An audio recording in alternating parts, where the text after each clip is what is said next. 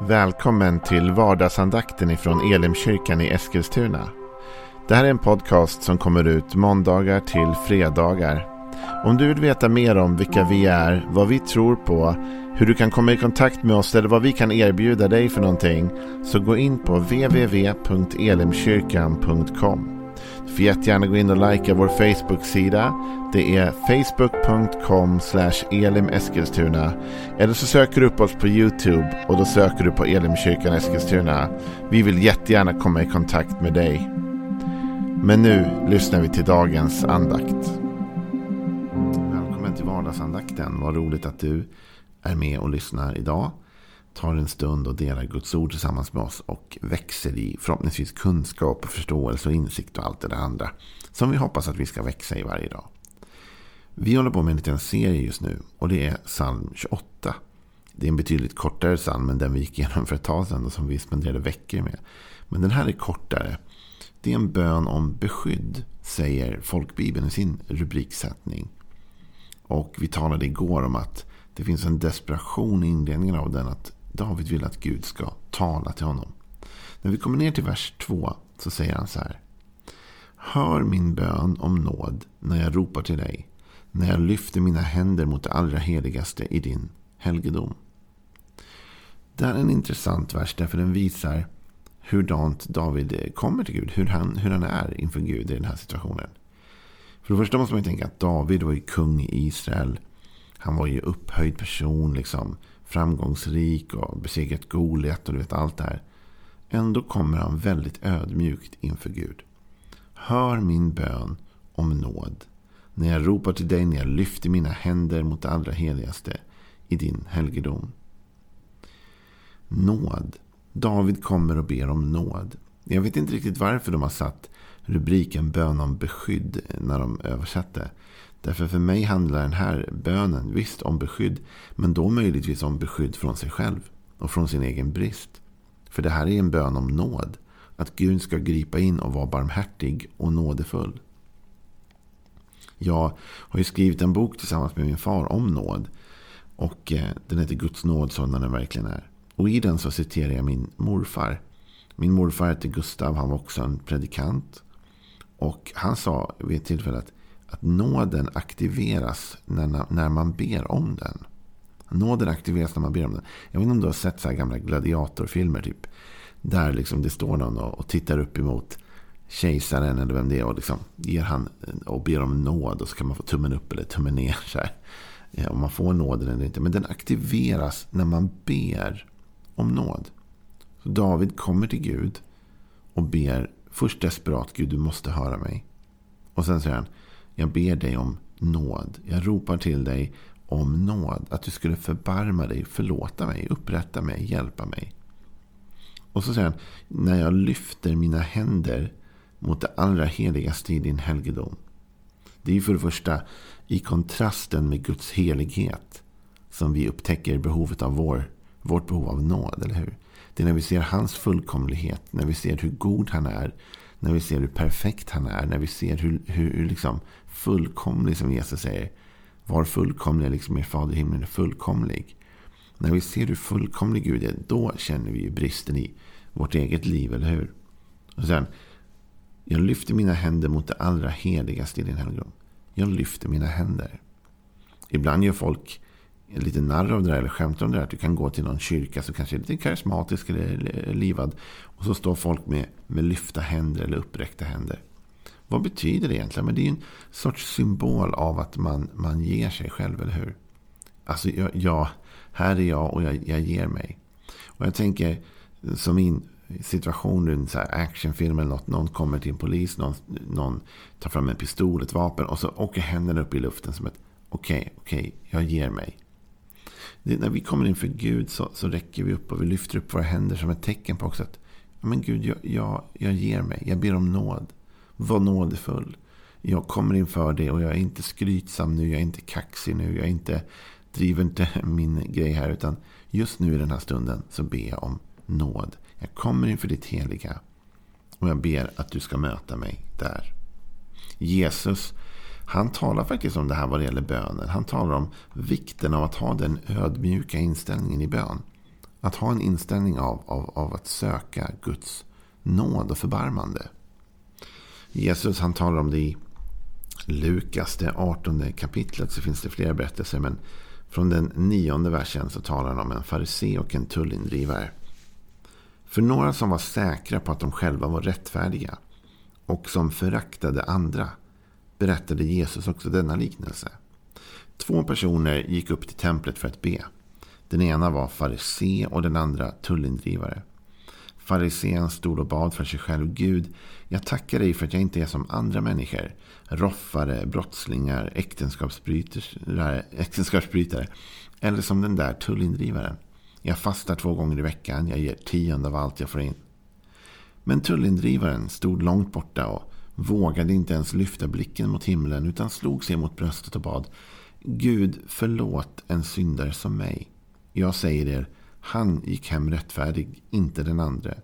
Var och en som upphöjer sig ska bli förödmjukad, men den som ödmjukar sig ska bli upphöjd. Ser du David här i psalm 28, som kommer inför Gud och han kunde lyfta upp att han är kung. Han kunde lyfta upp att han har besegrat Goliat. Han kunde lyfta upp allt det goda han gjorde för Israel. Och att, jag menar, idag, än idag så ser man David som den store kungen, liksom förebilden. Va? Han kunde lyfta fram allt det där. Men han gör inte det. Utan vad David gör är att han istället säger, han ropar om nåd. Var nådefull. Och när Jesus här talar till folket som är självrättfärdiga och tycker att de själva är så bra, klarar allting själva och duger till. Så säger han, två personer gick upp och bad. Den ena skröt med sig själv, skröt med sina förmågor, skröt med vad den kunde. Och den andra ödmjukade sig och sa, Gud var nådefull, förlåt en syndare som mig. Och då säger Jesus, det var den personen som kom in i bönen med en ödmjuk attityd. Som bad om Guds nåd. Som också fick uppleva Guds nåd. Som gick hem rättfärdig snarare än den som förlitade sig på sin egen förmåga eller sin egen kraft. Utan en bön om nåd. Du och jag, när vi kommer till Gud, vi tror ibland att vi måste lyfta fram alla våra goda sidor. Vi tror ibland att vi måste förhandla med Gud genom att lyfta fram allt det bra vi gör. Eller, Gud, du ser att jag gör det här och jag gör det här och jag gör det här och, och det här och jag är så duktig. Och, bla bla bla. och sen, nu måste du hjälpa mig. Men Jesus tar den här liknelsen och säger att den som kom på det sättet inför Gud gick inte hem rättfärdig. Däremot den som kom till Gud och sa förlåt en syndare som mig. Som vågade vara öppen med sin brist. Som vågade be om nåd. Den personen gick hem rättfärdig. Jag tänker ibland när du och jag kommer i bön.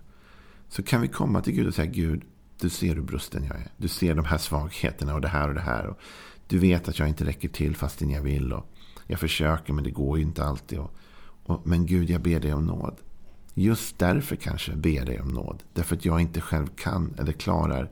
Utan jag behöver faktiskt din hjälp. När vi kommer till Gud och ber om Guds nåd. Så säger vi indirekt. Vi kan inte själva. Jag klarar inte det här själv. Utan jag är i behov av beroende av din hjälp. Och jag tycker faktiskt att det finns något vackert i det. Jag tycker det finns någonting att lyfta fram i det. Den känslan av att vi själva inte alltid är så bra som vi tror. Utan jag kommer gärna till kyrkan. Jag lyfter gärna upp mina händer i ett tecken till Gud att, att här är jag och jag ger mig till dig och jag ber om din nåd. Jag är inte här för att vara kaxig, upphöjd, stöddig. Utan jag kommer Gud med alla mina brister. Och nu ber jag dig, var nådefull. Vi vet att Bibeln talar om Guds tron som just en nådens tron. Man läser i Hebreerbrevet 4 och 16 så står det så här. Låt oss därför frimodigt gå fram till nådens tron för att få barmhärtighet och finna nåd till hjälp i rätt tid. Så vi ska vara frimodiga när vi kommer till Gud. Men vi ska inte vara frimodiga i bara vad vi kan och inte bara frimodiga i vad vi ber om. Det ska vi vara. Men vi ska vara frimodiga i att gå fram till nådens tron. Vi ska vara frimodiga med att be om nåd. Att säga Gud, jag behöver verkligen din hjälp och förlåt mig. Förlåt mig Gud för allt jag misslyckats med och förlåt mig. Inte att vi ska leva i någon sorts liksom, syndanöd 24 timmar om dygnet. Därför om Jesus har frälst dig och du har blivit döpt och tagit emot, då är du ju rättfärdig nu. Du är ju helig nu. Men ändå Att inte komma in med en kaxig attityd inför Gud. Utan komma in med en ödmjukhet och säga Gud, jag behöver din hjälp. Jag ber om din nåd. Jag lyfter mina händer till dig som ett tecken på att jag klarar inte det här själv. Utan jag behöver verkligen dig. Och vad finner vi då? Vad finner vi vid nådens tron? Bibeln säger för att få barmhärtighet och nåd till hjälp i rätt tid. Så Bibeln säger att när vi kommer frimodigt till nådens tron med en ödmjuk attityd så möter vi barmhärtighet. Gud är barmhärtig. Gud vill ta emot din svaghet och byta den mot sin styrka. Han är inte där för att döma dig. Det är inte domens tron, det är nådens tron. Men du och jag måste komma med rätt inställning och säga Gud jag ber om din nåd. Och då finner vi nåd vad? Till hjälp i rätt tid. Gud vill hjälpa dig. Han vill hjälpa mig. Han vill föra oss till den plats vi behöver vara. Men du och jag måste ha rätt inställning när vi kommer till Gud i bön. Vi kan inte komma till Gud och bara kräva, kräva, kräva, kräva. Utan vi får komma och säga Gud, jag behöver nåd, jag behöver hjälp. Sen tror jag absolut att det finns böner då vi ska vara frimodiga. Jag tror att det finns böner där vi har rättigheter inför Gud. Som Guds barn och så. Så vi ska våga ibland säga till Gud, Gud jag har ju rätt till det här och det här. Det har ju lite ord och så vidare. Det finns en sån bön. Men vår grundinställning i oss själva borde ändå vara att alltid komma inför Guds tron med ödmjukhet. Ödmjuka er under Guds starka hand, står det, så att han kan upphöja er när tiden är inne. När du och jag tar en lite mer ödmjuk inställning i vårt böneliv så kommer vi till nådens tron och finner barmhärtighet och finner hjälp. Så du och jag måste våga dela med oss av vår svaghet inför Gud. Och det kan vara svårt ibland, men lyssna. Gud vet redan om allt. Det finns ingenting som du har gjort, rätt eller fel, som inte han redan vet om. Utan han vet allting. Han älskar dig ändå. Han vill ta emot dig. Han vill ge dig nåd och en möjlighet att börja om igen, så att säga. Men att våga leva med den brustenheten upp emot Gud. Men vet du, faktiskt också gentemot varandra. Och det kan vara lite svårt. I Jakobsbrevet så säger Jakob så här. I Jakob 5 och 16. Bekänn därför era synder för varandra. Och be för varandra så att ni blir helade. Den rättfärdiges bön har stor kraft och verkan. Vet du, jag tror inte att du och jag ska gå och eh, liksom berätta allt för alla säga allt, alla våra svagheter till alla. Det är inte klokt. Därför en del människor kommer liksom inte att ta det på rätt sätt. Va? Eh, utan en del kommer eh, använda det du säger på fel sätt. Men om det finns människor du har förtroende för. Det finns några som du litar på. En pastor, en vän, någon familjemedlem som du har stort förtroende för. Vem det nu kan vara. Någon som du verkligen, verkligen litar på. Så finns det något oerhört helande i att bekänna sin synd för varandra och be att man får bli helad. Det här är också ett sätt att visa att man behöver Guds nåd. Nej, men jag klarar inte allt. Jag kan inte allt. Jag har behov av att Gud är nådefull. Att han hjälper mig.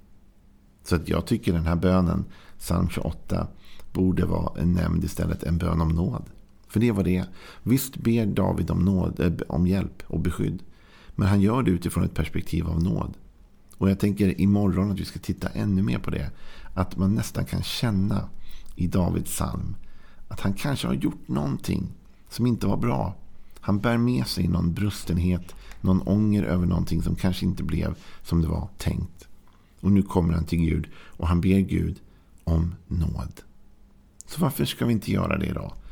Kom till Gud, var öppen, var ärlig, var uppriktig. Lyft inte upp dig själv, utan lyft upp Jesus. Och tacka honom för att han är nådefull och god och barmhärtig. Sträck upp dina händer till honom och säg Gud, jag vet att jag behöver din hjälp. Jag vet att jag inte klarar det själv. Jag vet att jag är beroende av dig. Så kom och hjälp mig nu. När vi har mer blicken fäst på det, då lovar jag att vi kan få se fantastiska resultat i vår bön. För Gud kommer alltid till den som är brusten och vill hjälpa, stötta, upprätta. Han går inte förbi oss då. En tynande veke ska han inte utsläcka. Och när du och jag tar en mer ödmjuk attityd så kommer vi längre i vår bön. Än den som går in och pushar, promotar sig själv. Den går inte hem rättfärdig. Men den som sa Gud förlåt en syndare som mig. Den fann barmhärtighet hos Gud. Vilken oerhörd grej att vi kan få nåd av Herren själv.